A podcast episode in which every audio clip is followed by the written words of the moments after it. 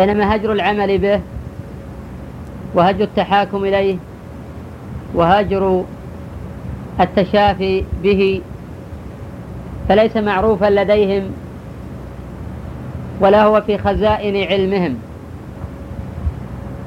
الآية عامة في جميع أنواع الهجر. فقد ذم الله جل وعلا أقواما. هجروا القرآن وهجروا التحاكم إليه والتشافي به وهجروا تلاوته والعمل به. النوع الأول هجر التلاوة. النوع الأول من أنواع الهجر هجر التلاوة. تلاوة القرآن من أعظم القرب. وقد جاء في حديث ابن مسعود من قرأ القرآن فله بكل حرف عشر حسنات. لا أقول ألف لام ميم حرف ولكن ألف حرف ولام حرف وميم حرف. وهذا الخبر رواه الترمذي وغيره وقد اختلف في رفعه ووقفه. والموقوف لا مجال للاجتهاد فيه. فله حكم المرفوع.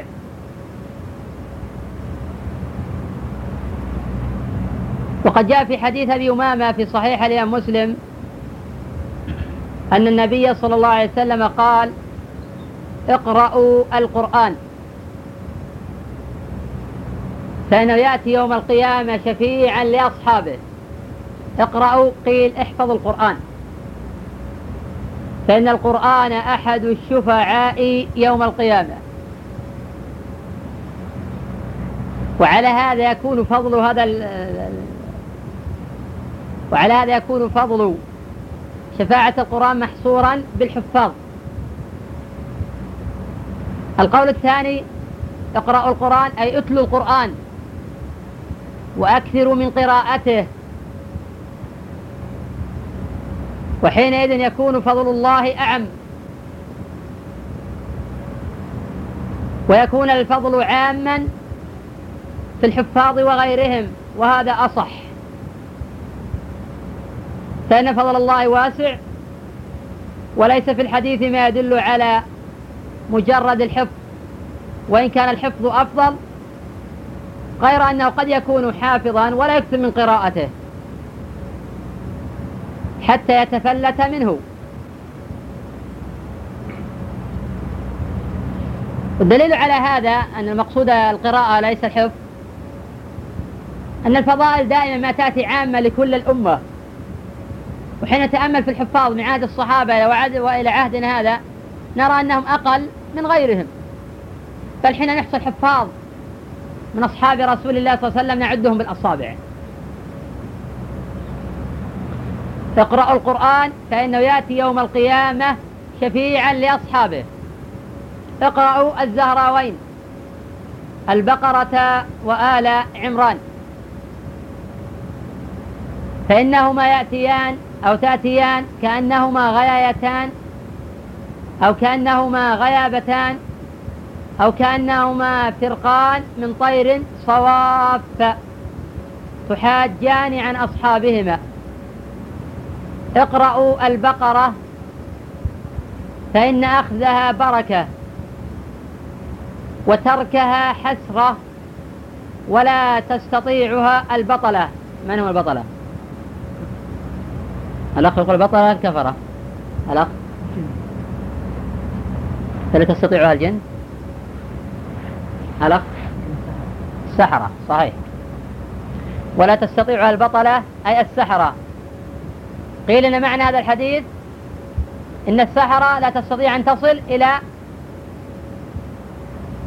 من أكثر من قراءة البقرة وآل عمران. وقيل لا من حفظهما. فإن من حفظ هاتين السورتين فإن السحرة لا يصلون إليه. المعنى الثاني قيل المعنى أن الساحر لا يستطيع أن يتناول سورة البقرة. إذا رأيت الرجل يحفظ سورة البقرة فلا يمكن يكون الساحرة. على هذا المعنى.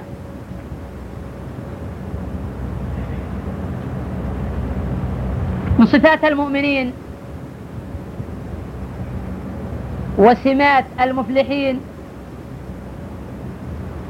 الإكثار من قراءة القرآن.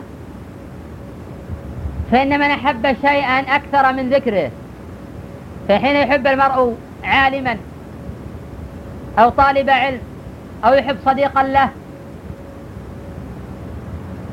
أو على وجه الحرام يحب امرأة ويعشقها فإن هؤلاء يكثرون من ذكر من يحبون. وهذا أمر معروف. دلت عليها الفطر وأرشدت إليه العقول.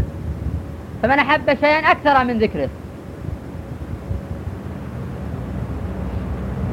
فإن من أحب الله جل وعلا من كل قلبه أكثر من قراءة كلامه. وكلما عظمت محبة الله في قلب العبد. كلما كان ذكر الله على لسانه أكثر. وأعظم الذكر قراءة القرآن. أعظم الذكر قراءة القرآن. فإن ذكر أنواع منه التسبيح ومنه التهليل ومنه قراءة القرآن ومنه الصلاة على النبي صلى الله عليه وسلم. قال الله جل وعلا يا أيها الذين آمنوا اذكروا الله ذكرا كثيرا. وجاء في الصحيحين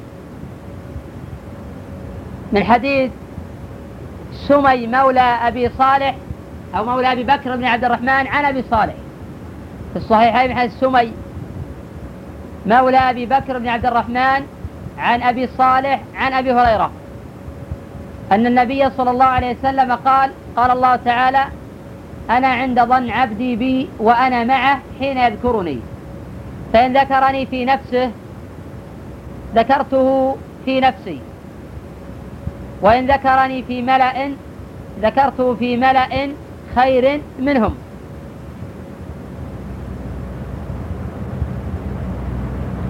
وفي صحيح مسلم حديث إسماعيل عن العلاء بن عبد الرحمن بن يعقوب الحرقي مولاهم وجاء من رواية القاسم عن العلاء أو روح بن القاسم عن العلاء بن عبد الرحمن عن أبي عن أبي هريرة في مسلم أن النبي صلى الله عليه وسلم قال سبق المفردون. فسأل الصحابة رضي الله عنهم عن هؤلاء المفردين. فقال النبي صلى الله عليه وسلم الذاكرون الله كثيرا والذاكرات. وقال تعالى ألا بذكر الله تطمئن القلوب؟ وأفضل الذكر قراءة القرآن.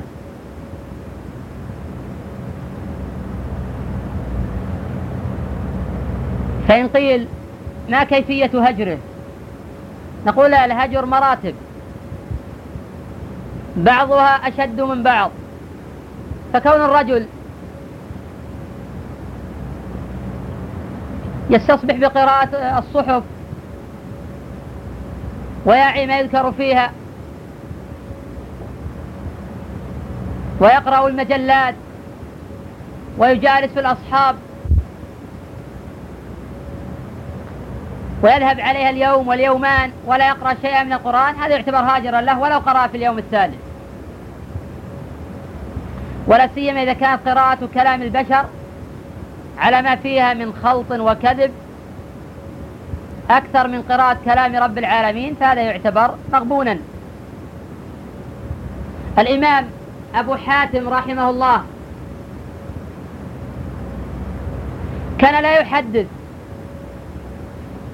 بعشرة أحاديث إلا ويقرأ بعدها ما يقارب مئة آية. يقول أخشى أن أقدم كلام النبي صلى الله عليه وسلم على كلام الله جل وعلا. مع أن هذا وحي من الله جل وعلا وهذا تشريع. ولكن ما حملوا على ذلك إلا الخوف من رب العالمين. وأين نحن الآن؟ من كثرة قراءة الكتب والصحف والنشرات الضارة والنافعة. وقد يمر علينا اليوم واليومان والثلاثة والأربعة ولا نقرأ شيئا من القرآن. أو عهدنا بالقرآن في رمضان أو في كل جمعة. هذا لا شك أنه من أنواع الهجر. أما الذي لا يعرف ربه ولا يقرأ القرآن إلا من الحول الحول الآخر فهذا من أشد الناس هجرا. وأشد منها الذي لا يقرأ القرآن أبدا إلا ما يقرأ في صلاة النافلة أو الفريضة.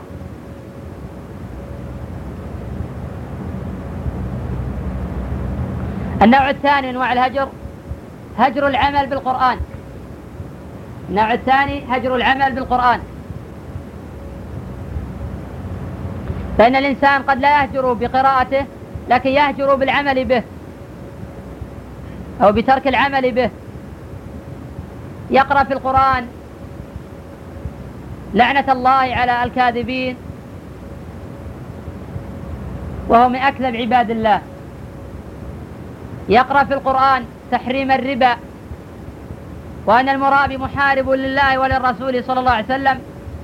ولا يعمل بذلك. يقرأ في القرآن. ومن الناس من يشتري له الحديث ليضل به عن سبيل الله. وهذه الآية نزلت تحرم الأغاني.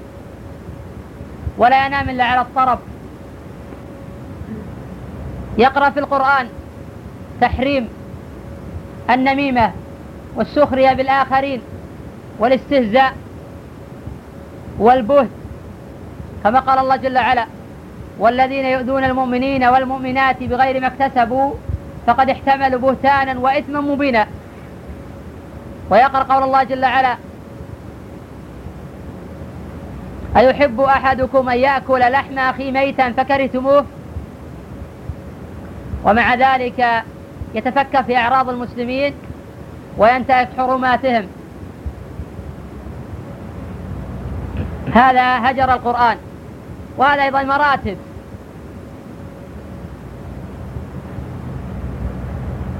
النوع الثالث هجر التحاكم إليه. إذا دعي إلى التحاكم إلى الكتاب وإلى السنة رفض وتحاكم إلى المحاكم التجارية أو إلى القوانين الوضعية أو إلى آراء الرجال. وقد يكون الرجل تقيا وتاليا للقرآن في الظاهر ويعمل بما دلت عليه ظواهر الأدلة ولكن تبقى قضية التحكيم يرفضها باعتبار أن الإمام أحمد أعلم من الشافعي والشافعي أعلم من مالك أو مالك أعلم من أبي حنيفة. فحين يرد عليه الدليل الصحيح الذي لا معارض له يرفض الرجوع إليه والتحاكم إليه باعتبار أن الإمام الفلاني لم يعمل به. وأنا أقول أنا حنبلي فلا أخذ إلا بما جاء عن الإمام أحمد. والآخر يقول أنا شافعي فلا آخذ إلا بما جاء عن الإمام الشافعي. والآخر يقول أنا حنفي. فلا أخذ إلا بما جاء عن الحنفي. والآخر يقول أنا مالكي فلا أخذ إلا بما جاء عن المالكي. ويستدل كل واحد من هؤلاء بأدلة على أن هذا أولى من هذا. ففقهاء الشافعي يقولون الأولى الأخذ بمذهب الشافعي لأن الشافعي مطالبي والنبي صلى الله عليه وسلم قال قدموا قريشا ولا تقدموها. إذا من الضروري أن نقدم مذهب الشافعي على غيره. وهذا ضلال عظيم. فإن الحديث الوارد قدموا قريش ولا تقدموها لا يصح.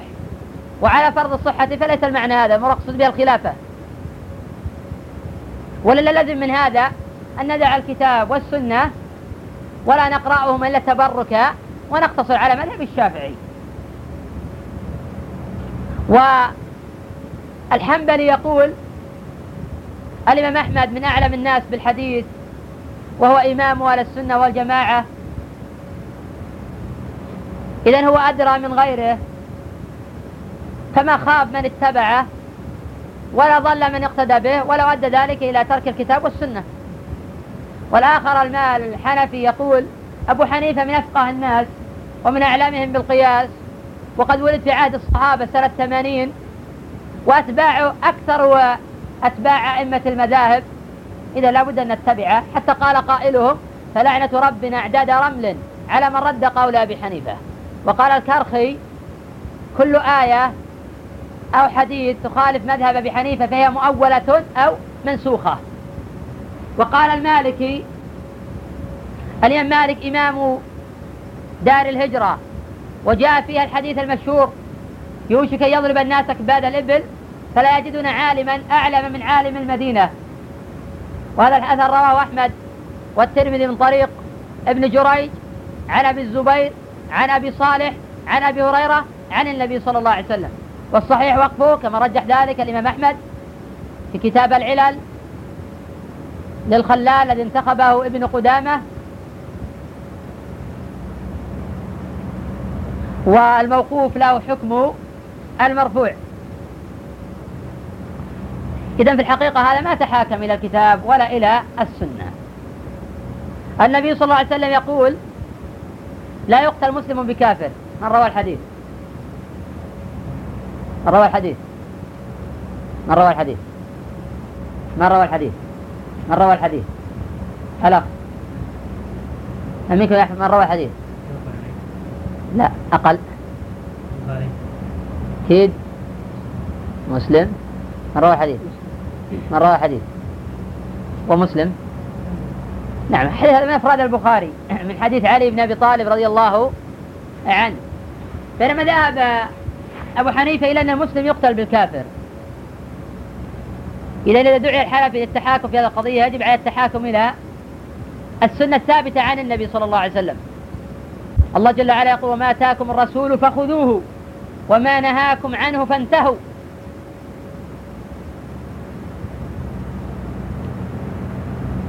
إذا أتينا إلى قضية أكل لحم الجزور نجد المذهب الحنبلي. يوجب الوضوء من أكل لحم الجزور. بينما ذهب أبو حنيفة ومالك والشافعي إلى عدم الوضوء. الإمام أحمد يقول في حديثان صحيحان عن رسول الله صلى الله عليه وسلم.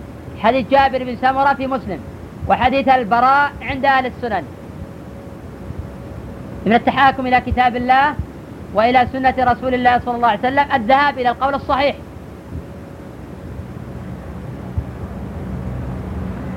النوع الثالث الرابع من أنواع الهجر. هجر التشافي به. حيث أن الإنسان لا يعالج نفسه بالقرآن ولا يرقي بالقرآن فلا يفزع إلا إلى الأطباء وأدويتهم على أن هذا لا مانع منه إذا لم يتعلق قلبه بهم. لكن من الضروري أن مجموعة من الأمراض ليس لها علاج إلا في القرآن. إذا من الضروري يتعالج بالقرآن ويتشافى بالقرآن. وقد جعله الله جل وعلا شفاء. قال تعالى وينزل من القرآن ما هو شفاء ورحمة للمؤمنين. شفاء لأمراض الشبهات وشفاء لأمراض الشهوات. وشفاء للأمراض العضوية. ما هي أمراض الشبهات؟ السحر والشام تشكيك فرق بين الشبهات والشهوات. أنا أقول ما هي أمراض الشبهات؟ ما يعترض الإنسان من الشبهة كمثلا الشك في البعث؟ صحيح كلامه. إي نعم. إذا القرآن فيه شفاء لذلك؟ إي نعم. قال الله جل وعلا ولا يأتونك بمثل إلا جئناك بالحق وأحسن تفسيرا. قال علماء الإسلام على هذه الآية لا يأتي صاحب باطل ببدعة إلا وفي القرآن ما يبطلها وينقضها. النوع الثاني الشفاء لأمراض الشهوات. ما أمراض الشهوات؟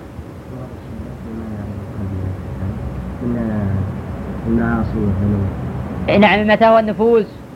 كالفواحش والنظر وما يتعلق بذلك. الله جل وعلا ذكر شفاء هذا وعلاجه وقطع الوسائل المؤدية إلى هذه الأمور. حين قال الله جل وعلا أنا حين قال الله جل قل للمؤمنين يغضوا من أبصارهم ويحفظوا فروجهم. لماذا قدم غض البصر على حفظ الفرج؟ أيهما أعظم الزنا ولا النظر؟ أيهما أعظم؟ الزنا أعظم؟ لماذا إذا قدم هذا على هذا؟ لأن النظر من الوسائل المفضية إلى الزنا. فقدم النهي عنه لأنه وسيلة إلى هذا. إذا ما نأخذ من هذا قاعدة كلية. ألأخ أبو الوليد. نأخذ من هذا قاعدة كلية. فيه أن تحريم الوسائل يؤدي إلى تحريم الغايات يعني نعم. تحريم الوسائل مق... آه، من الضروري يؤدي إلى تحريم المقاصد. إذا في سد الذرائع أيضا. الذرائع الموصلة إلى المحرمات يجب إغلاقها وسد منافذها. ما حكم النظر؟ ألأخ. حكم النظر إلى النساء والصور الخليعة. لا الذي وراءك ما اسمك؟ عبد الملك. حرام. الدليل؟ لقد شخص أنا بنظر. ليش حرام؟ اعطيني دليلا. أنا اقبل إلا دليلا. ونحن قلنا من التحاكم فيما سبق التحاكم إلى الكتاب. وإلى اسهل نعود الناس الاستدلال بالكتاب وبالسنة. ما هو الدليل على تحريم النظر؟ الامر أمر هنا. طيب في دليل من السنة؟ طيب جيد. هذا دليل من الكتاب. دليل من السنة؟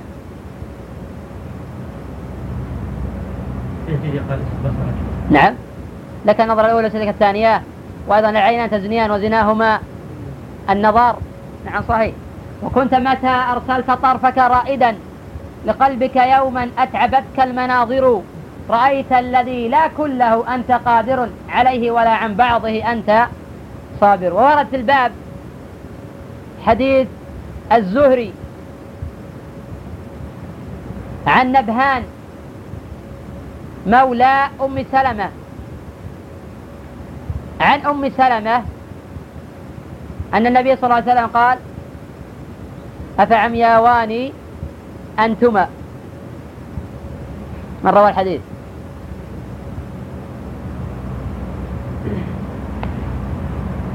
تسنيم من روى الحديث؟ نعم. ابن ماجه. فقط في من في من أعلى منه؟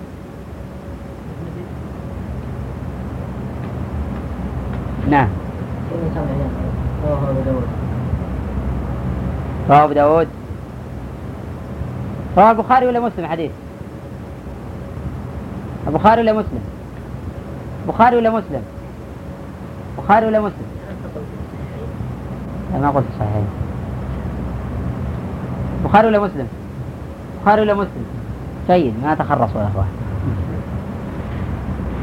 نعم بخاري ولا مسلم؟ لا البخاري ولا مسلم؟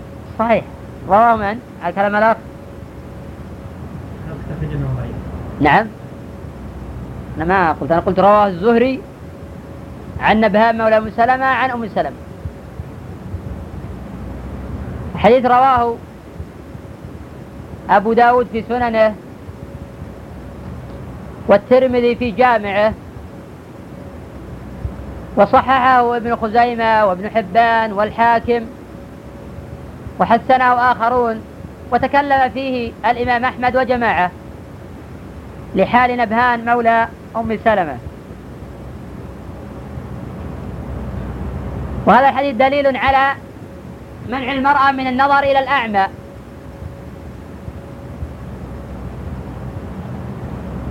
سدا للذرائع ويدل على هذا عموم الآية وقل للمؤمنات يغضضن من أبصارهن ويحفظن فروجهن. المقصود الحديث عن التشافي بالقرآن وأن القرآن شفاء من كل داء وما أنزل الله داء إلا أنزل له دواء علمه من علم وجهله من جهل يقول بعض الناس أنا أقرأ القرآن وأتشافى بالقرآن ولا أجد أثرا للقرآن. نقول نعم في ذلك لذلك أسباب. السبب الأول ضعف اليقين. السبب الثاني ضعف الاعتقاد. وقد لا يكون لا هذا ولا هذا إنما أسباب خارجية. ولكن إذا رقيت آخر يشترط يتوافق اعتقاد المرقي واعتقاد الراقي. حتى يعتقد المرقي أن الشفاء بيد الله وأن هذا سبب وأن الله جل وعلا سببا مباركا والآخر يعتقد أن القرآن شفاء وأنه كلام الله. إذا الذي لا يقر بأن القرآن كلام الله أو يقول عن القرآن بأنه مخلوق مثل هذا لا ينتفع بالقرآن لأنه مكذب لكلام الله. الله أخبر أنه تكلم به وهذا يقول أنه خلقه. إذا لا ينتفع بالقرآن ولا يكون القرآن شفاء له. أعظم الناس انتفاعا بالقرآن هم الذين يتلونه حق تلاوته ويعملون بحق عمله ويعتقد أنه كلام الله. وأنه شفاء لما في الصدور. فهؤلاء أعظم الناس انتفاعا بالقرآن. القرآن يزيد العبد إيمانا وصلاحا وتقى. ويجعل يستعلي بالقرآن ولا يخضع للآخرين. إذا من الضروري أن نتأمل القرآن حق التأمل وأن نتدبره. وهذا هو النوع الخامس. النوع الخامس من هجر القرآن هجر تدبره.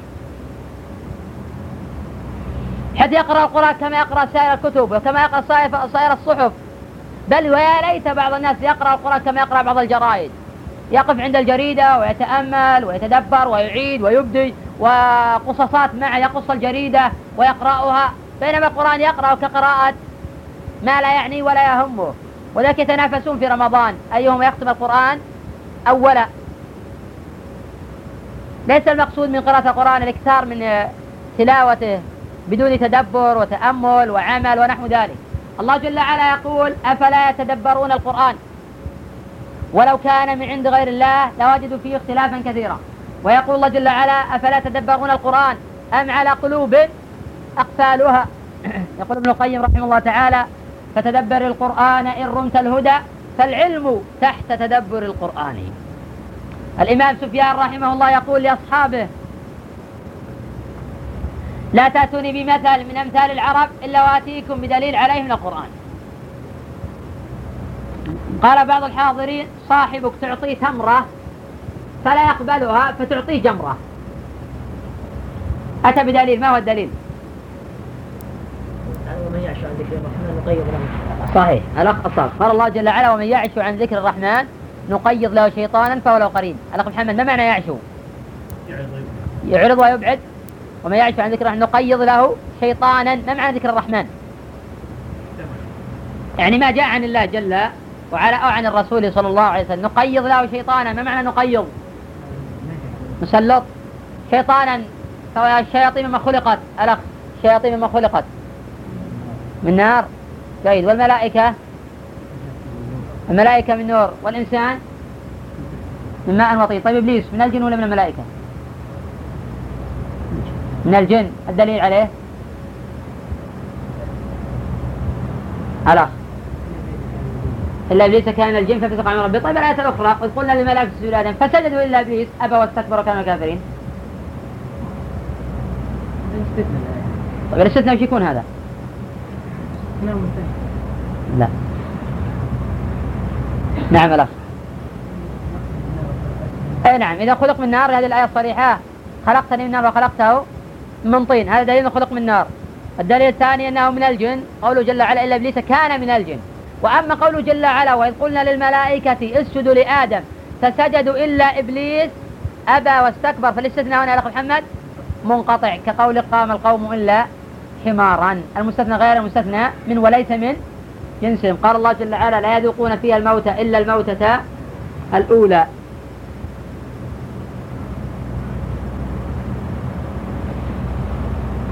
ومن يعرض ومن يعش عن ذكر الرحمن نقيض له شيطانا فهو له قرين. والذي أخرج الذين كفروا من أهل الكتاب من ديارهم لأول الحشر. ابن عباس أخذ من هذه الآية أن الحشر بالشام. ما وجه الاستنباط؟ عبد الملك. الأخ يوسف. نعم. لأن موضع مكان الحشر بالشام لك ما وجه الاستنباط من الآية؟ لأن وقع حشر أول وفي حشر ثاني يعني لم يقضي الآن لا بس ما وقع هذا. تشبيه. لا ليس تشبيه النبي صلى الله عليه وسلم أخرج من أهل الكتاب من ديارهم. وين أخرجوا؟ لأول الحشر. إذا هو أول. إذا الحشر الثاني هنا يكون شام لأن الذي يخرج منه هو الشام. عود من الحجر الثاني في الشام. هذا استنباط ابن عباس رضي الله عنه. المقصود التأمل في القرآن وتدبر معانيه حتى نستطيع أن نفهم وأن نعيه وفي التدبر فوائد الفائدة الأولى ضبط الحفظ. كل من تتأمل أشياء ضبط حفظه. الفائدة الثانية زيادة الإيمان. الفائدة الثالثة حصول اليقين. الفائدة الرابعة معرفة المعاني. الفائدة الخامسة وجود آثار ذلك في القلب. السادسة والسابعة الزيادة في الإيمان.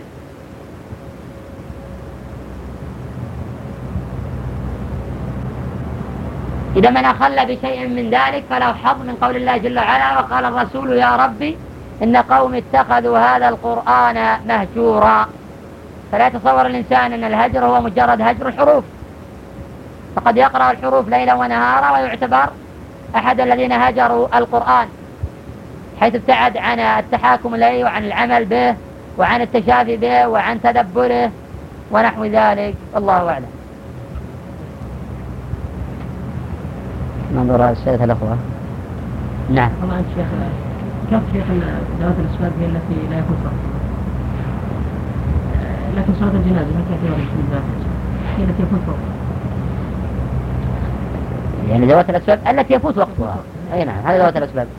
صلاة الجنازة قد إذا أخرت إذا أخرت قد يربى بطنه ونحو ذلك قد ينتن.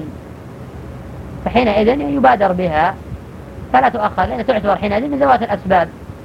ولكن إذا صلي عليها الصلاة الأولى في أوقات النهي فليس لأحد بعد ذلك يتطوع عليها. يعني حينئذ لا تكون من ذوات الأسباب أن يستطيع يأتي في وقت آخر فيصلي على القبر. هذا الأمر. الأمر الثاني